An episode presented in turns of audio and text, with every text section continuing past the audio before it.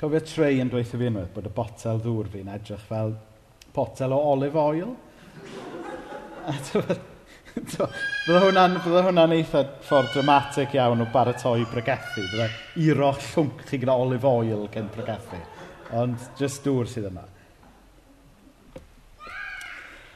Wel, y ddiw dad Da ni jyst yn diolch am yr amser da ni wedi cael bore yma hyd yma. A da ni'n gofyn i ti fod gyda ni dros y munudau nesaf wrth bod ni yn myfyrio mwy ar dy air di a gweld beth yw'r neges o dy air di i ni fel eglwys ac i ni fel unigolion heddiw. Um, ysbryd glan, da ni'n dy wahodd di nawr i ddod â air yn fyw i ni bore yma. Amen.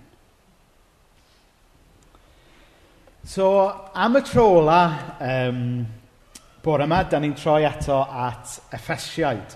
Um, o'n i byth wedi bwriadu mynd trwy'r llythyr i gyd, o'n i jyst eisiau gwneud cyfres fyr yn edrych ar y ddau benod gyntaf. A da ni yn dod at ddiwedd penod dau bore yma, a byddwn ni'n edrych ar bethau eraill nes ymlaen yn y tymor.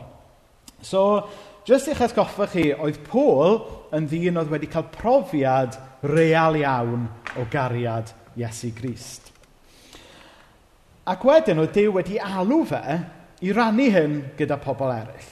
Ac un o'r ffyrdd oedd e'n gwneud hyn oedd drwy annog eglwysu trwy ardal môr y canoldir. A dyna pam ei llythyr yw hwn at yr effesiaid. Mi oedd yna eglwys yn Ephesus, bydde yn gorllewin Twrci heddiw. Felly, er bod hwn ddim yn lythyr sydd wedi cael ei sgwennu i ni, wnaeth ei sgwennu at yr effesiad. Ond eto mae wedi cael ei sgwennu ato ni. Achos da ni yn credu fod gair Dyw yn gallu siarad gyda pobl ym mhob oes. Ac felly, da ni yn cyfarfod yma bore yma fel pobl sydd yn credu fod Dyw yn gallu siarad mewn i'n bywyd ni fel eglwys a fel unigolion. So, recap sydyn o beth da ni wedi edrych arno yn ystod y gyfres. Nethon ni ddechrau drwy edrych ar y cwestiwn o pwy ydw i a lle ydw i yn ffitio mewn. Maen nhw yn gwestiynau da ni gyd wedi gofyn rhywbryd, yn dydy. Um, a wnaethon ni ystyried y gwahanol lefydd da ni falle yn ateb y cwestiwn. Rhai pobl yn ateb y cwestiwn drwy sôn am ei gwaith, a mae hwnna'n bwysig ac yn iawn yn ei le. Pobl eraill yn sôn am bro i mebyd, pobl eraill yn sôn pwy yw eu tad nhw ac yn y blaen. A mae'r pethau yna i gyd yn iawn yn ei lle. Rhai pobl eraill yn ffeindio pwrpas yn beth maen nhw yn gwneud, neu falle yn fwy anodd, rhai pobl yn cael ei diffinio gyda rhywbeth maen nhw falle wedi methu wneud a bod yna rhywun negyddol wedi rwbio hwnna i mewn. A mae mor hawdd i ni adael i pethau fel yna ddiffinio pwy ydyn ni. Gadlu bethau fel yna ddod yn prif beth yn hunaniaeth ni. Ond wnaethon ni weld y ddechrau'r gyfres bod yr apostol Paul bod e ddim yn ffeindio'i bwrpas yn beth oedd e'n gwneud, nag o le oedd e'n dod, mor bwysig oedd rheina yn ei lle, ond oedd e'n ffeindio'i hunaniaeth yn Iesu. Oedd e'n ffeindio'i bwrpas yn nid y pethau oedd e'n gallu wneud, ond yn beth oedd Dyw wedi wneud drosto fe, yn benodol ar y groes ac yn ei atgyfodiad. Nethon ni fy mlaen wedyn i edrych ar mae Iesu yw ein heddwch ni. Dwi'm yn gwybod amdanoch chi, ond da ni'n byw mewn oes a byd a sefyllfa le da ni gyd angen profi mwy o heddwch yn dydan. Mae yna lot o turmoil yn cwmpas ni, um, jyst yn fyd-eang, yn genedlaethol, ac hyd yn oed yn yn bywydau ni wrth i ni fyw drwy gyfnod mor rhyfedd ac ansicr. Nawr mae yna gysur o wybod fod Iesu yn y busnes o wneud heddwch.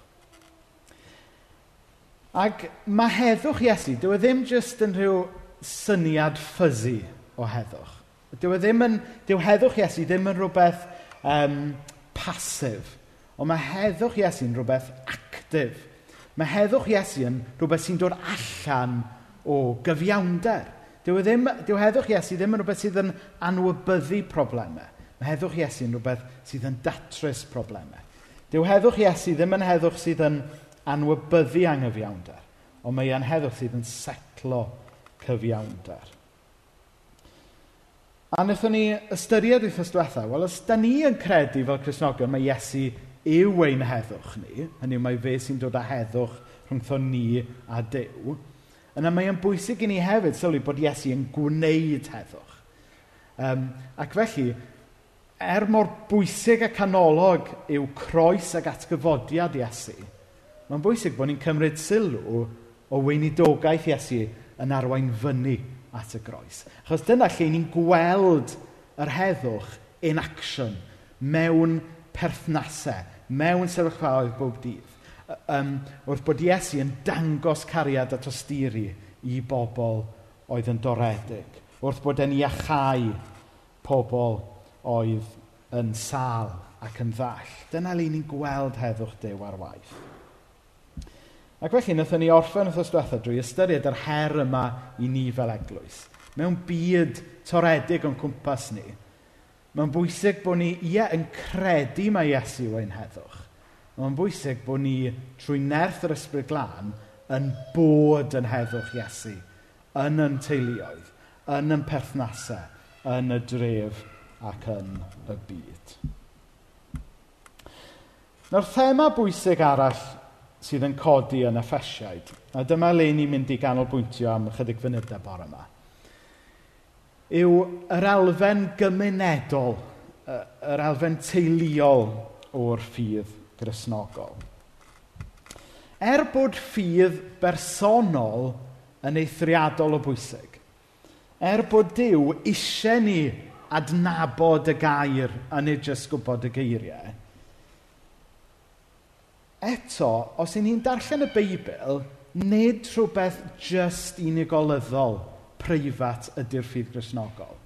Ond mae bod yn gristion yn golygu ie cael ffydd bersonol yn ew, ond wedyn mae e'n golygu bod yn rhan o'r ddynoliaeth newydd, o'r teulu newydd, o'r gymuned yma mae Dyw yn ei greu. A dyna mewn ffordd pan bod wedi bod mor neis bod ni'n cael um, gwahodd aelod newydd, achos mae'n mynd yn dda gyda'r neges sydd gyda fi bore yma. Mae Paul yn sôn wrth yr effesiad am bod dod yn gristion fel perthyn i deulu, fel bod yn rhan o gymuned, fel bod yn rhan o'r ddynoliaeth newydd. Fi'n rili really hoffi yr, yr ymadrodd yna, dynoliaeth newydd. Ac yn yr adnodau sydd gyda ni bore yma, mae e'n sôn am perthyn i genedl ddew. Felly, jyst mynd i ddarllen chydig adnodau nawr o ddiwedd penod 2, adnod 19 ymlaen. Felly, dych chi o'r cenhedloedd eraill, ddim y bobl estron mwyach, nac yn bobl sydd y tu allan. Dych chi bellach yn perthyn i genedl ddew. Dych chi'n aelodau o'i deulu. Dych chi'n rhan o'r un adeilad Dyni'r cynrychiolwyr personol ddewisodd e a'r proffwydi wedi gosod y sylfaeni a'r meseia Iesu ei hun ydy'r maen clo. Dyn ni gyd yn cael ein hadeiladu a'n cysylltu a'n gilydd i wneud teml sydd wedi chysegru i'r arglwydd. A dych chi, y bobl o genhedloedd eraill sy'n perthyn iddo, yn rhan o'r un adeilad hwnnw, lle mae Dyw yn byw drwy ei ysbryd.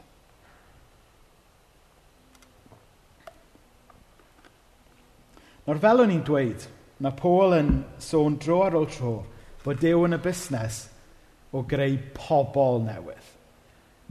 Plural. Ie, mae hwnna'n dechrau'r lefel personol pan da ni'n profi a credu cariad Iesu. Mae mor bwysig bod ni ddim yn aros ar y personol a meddwl bod ni'n gallu jyst cael rhyw um, berthynas besboc hunanol efo Iesu. Os ydyn ni yn grisnogion go iawn, mae e nid yn unig yn golygu perthynas efo Dyw, ond mae'n golygu perthynas efo pobl Dyw hefyd. Mae'r ma, ma delweddau gyda ni'n darlleniad bore yma, fod pobl ddiw fel cenedl, fel teulu a fel adeilad. Mae Dyw wedi yn hachub ni. A i ni wedyn ddim yn penderfynu ymuno efo'r eglwys. Mae cael yn hachub yw dod yn rhan o'r eglwys, dod yn rhan o'r genedl newydd yma. Mae John Stott yn dweud fel hyn. The church lies at the very center of the eternal purpose of God. It is not a divine afterthought. It is not an accident of history. On the contrary, the church is God's new community.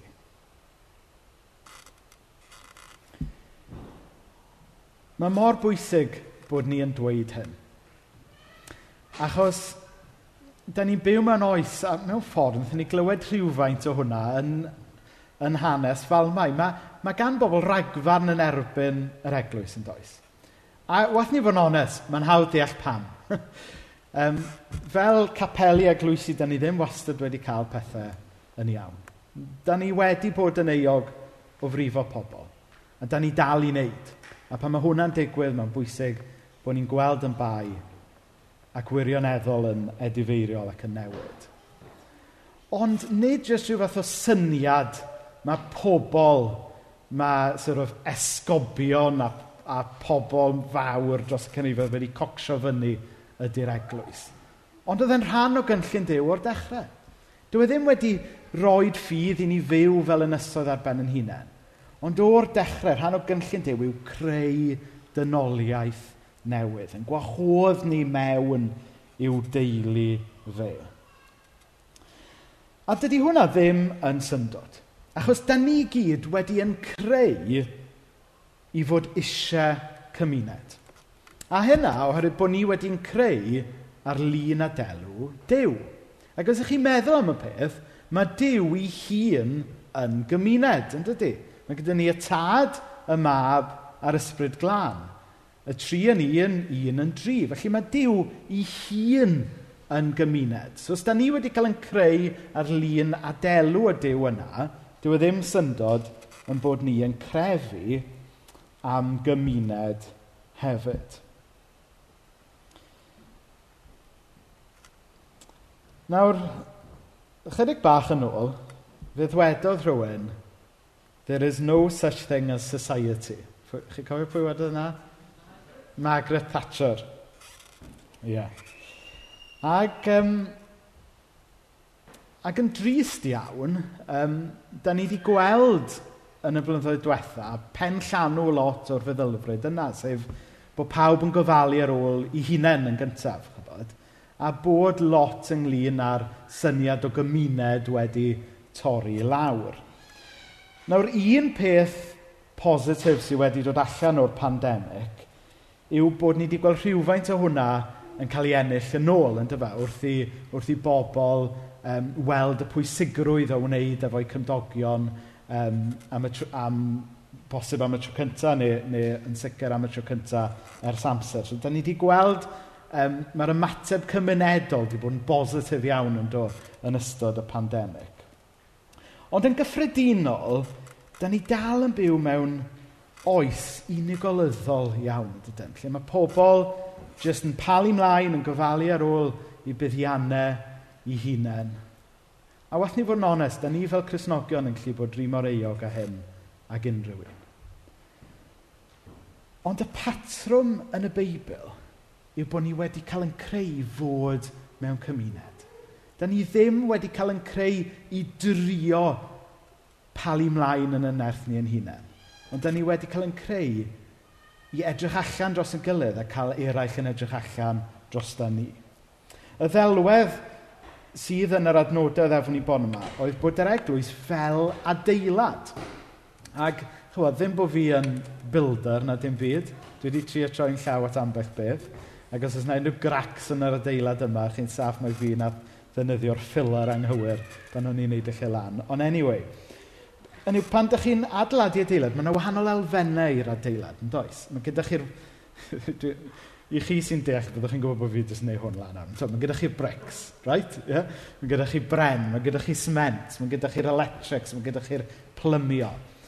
Ac ar ben ei hunain, mae nhw i gyd ddim gwerth dim byd. Chybod, dychmygwch nawr, tybod, electrician yn trio adeiladu tu ar ben ei hun. Ac, tybod, bydde, bydde fe jyst yn peil o wires, bydde fe. Dychmygwch nawr, um, tybod, sair yn adeiladu tŷ. Bydde gyda chi ffram, ond heb waliau. A mae'r un peth yn wir am drio byw bywyd yn arbennig ceisio byw y bywyd chrysnogol ar ben yn hunain. Mae ynglyn, nid ynglyn â creu adeilad, gyda pawb yn dod â rhywbeth gwahanol i'r prosiect. A'r cyfan yn dod at ei gilydd wedyn, pan da ni'n dysgu beth i rôl y gwahanol rai ohono ni. Da ni wedi cael yn creu i ymateb i gariad Dew ac i fyw allan y cariad yna mewn perthynas efo'n gilydd. Nawr, o'n i mewn um, sesiwn hyfforddi ddoe, ac un o'r pethau o'n nhw'n dweud oedd, dyle pregethwyr byth ddefnyddio geiriau groeg, achos mae show showan off ydy hynna. Ond dwi am ddefnyddio un bore yma, sef coenonia. Um, gair groeg yw ein ni'n gweld yn y Beibl. Gair i ni ddim wir wedi gallu cyfieithu yn llawn i'r Gymraeg nac i'r Saesneg. Yr, y gair gorau ni'n gallu dod fyny efo fe yn y Gymraeg a'r Saesneg ydy rhywbeth fel cymdeithas neu fellowship. Ond yn y groi gwreiddiol, mae yna ystyr lot fwy crwn a dofn i hwnna. Mae e ynglyn ar undod ysbrydol sy'n rhwng Cresnogion, ond undeb ysbrydol sy'n gweithio hunain allan mewn ffordd ymarferol coenonia. Felly, dyn ni'n cael yn galw, os ydy ni yn caru Iesu, fyw allan mewn coenonia gyda'n gilydd. I ni fyw mewn cymuned gyda'n gilydd. Nid, nid jyst bod ni'n digwydd credu yn yr un dew, yn sicr nid jyst achos bod ni'n ffurfiol yn aelodau o'r un eglwys yma yn Caersalem, ond oherwydd bod yna undod ysbrydol rhwng ein gilydd, bod gyda ni yr un tad yn y nefoedd, Ac wedyn ddyle hwnna cael ei weithio allan wrth i ni ofalu am yn gilydd yn ymarferol. Wrth i ni fyw bywyd go iawn efo'n gilydd. Er mor gyfoethog ydy dod yma ar y sil. Er mor gyfoethog ydy canu ymynau gyda'n gilydd. Hyd yn oed mwy cyfoethog ydy cario breichiau'n gilydd pan mae bywyd yn herio. Er mor gyfoethog ydy perthyn i eglwys sydd yn cymryd gair dew o ddifri. Hyd yn oed fwy cyfoethog ydy perthyn i eglwys sydd wedyn yn rhoi y gair yna ar waith yn y ffordd da ni'n caru a gofalu ar ôl yn gilydd. Mae Paul yn sôn wrth yr effesiaid am y ddynoliaeth newydd mae e'n creu. A ni fel eglwys ydy blaenffrwyth tester y ddynoliaeth newydd yna. Nawr, mae yna fraint arbennig i hwnna, ond hefyd mae yna gyfrifoldeb yn does. Ac os wnawn ni drio byw allan hwnna yn y nerth ni yn hunain, mi fyddwn ni'n blino, mi fyddwn ni yn trefnu gormod y gyfyrfodydd, ac felly dyna pam yn bod ni angen yr ysbryd glân. Yr ysbryd glân sy'n rhoi y nerth i ni fyw allan cariad Iesu yn y byd. Yr ysbryd glân sy'n rhoi nerth i ni fyw allan cariad Iesu i'n gilydd. Nawr dwi jyst am orffen efo delwedd ydych chi wedi clywed sawl tro o'r blaen, mae'n siŵr. Um, I chi sy'n ddigon ffodus i gael tan, tan glo. Oes, oes gan rhywun yma, oi, mae, mae ganddo chi yn does, mae unrhyw un arall efo tan go iawn yma. O, oh, na ni. Gret. Neis iawn. Ac um, cofio pan o'n i'n fach, o'n i'n chwarae gyda'r tân. O'n i ddim fod, obviously. Ond o'n i'n neud, tyfo, pan oedd mam a dad mas o stafell, o'n i'n mynd i gael yr pinchers yna, tyfo, symud y glo o gwmpas a chwarae o gwmpas. A wedyn, um, weithiau, o'n i'n tynnu darn fflamgoch allan a'i osod e ar y llechan nid ar y carpet, ar y, ar y llechen. A wedyn yn sydyn iawn, mi fysa yr colsen glo oedd yn fflam goch yn oeri a wedyn mynd yn llwyd. A wedyn bydde dad yn dod mewn i'r stafell yn mynd, beth ti'n neud, paid â chwarae fo'r tan. A wedyn bydde fe'n pinsio yn y colsen a roed o'n nôl yn y tan. Ac yn sydyn reit, bydde'r un oedd wedi mynd yn llwyd yn dod nôl yn goch eto. Ac mae hwnna'n ddelwedd ydych chi wedi clywed sawl tro o'r blaen, mae'n siŵr. Ond i chi'n deall beth yw'r gymhariaeth. Os newn ni drio byw y bywyd chrysnogol ar ben yn hunain, fel ynys, fe wneith fflam ffydd yn y calon ni oeri yn sydyn iawn.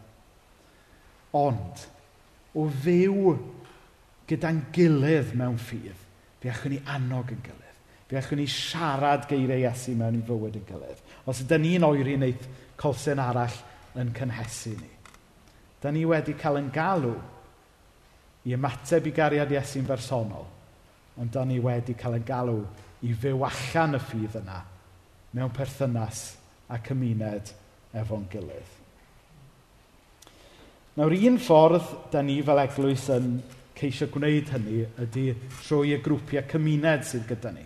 Felly, os oes rhywun um, sydd yn watcho adre neu yma bore yma yn dymuno perthyn i un o'r grwpiau cymuned yna. Yna, please, dewch chi siarad gyda fi ar y diwedd tu allan, neu chi sy'n gwylio adre, croeso i chi ddanfon neges i fi ar Facebook. Ond, jyst i orffen y gyfres, dydy Paul ddim yn siarad efo'r effesied am gael ffydd unigolyddol yn Iesu. Mae e'n siarad am gael ffydd bersonol, ie ond ffydd le chi wedyn yn perthyn i deulu. A mae Iesu wedi caru y ddynoliaeth newydd mae e'n creu. A da ni'n cael y fraint o berthyn i hwnna. Gen i blygu pen mewn gweddi. Wel, o ddiw dad, da ni yn diolch am y fraint arbennig bod ti yn y busnes o greu dynoliaeth newydd. A da ni'n diolch fod yna wahoddiad personol i unrhyw un bore yma sydd am ymateb i gariad Iesu i berthyn i'r teulu newydd yma. O ddew dad i ni sy'n dweud yn bod ni yn credu yno ti ac yn dyddilyn di. Maddau ni am drin yn ffydd ni fel rhywbeth personol yn unig. Maddau ni am edrych ar ôl yn buddiannau yn hunain yn llawer rhiamau a helpa ni gymryd arweiniad y Beibl o ddifri.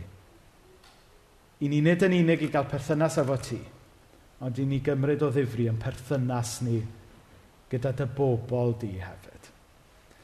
O ddiw dad, anfon yr ysbryd glân i'n helpu ni i fyw mewn coenonia efo'n gilydd. I ni droi yr undeb ysbrydol sy'n rhwngddo ni mewn i fywyd ymarferol o wasanaethu yn gilydd. O ddiw dad hyn yn gofyn ti fendithio pawb sydd yma a pawb sy'n gwylio o adre bore yma. Yn enw Iesu. Amen.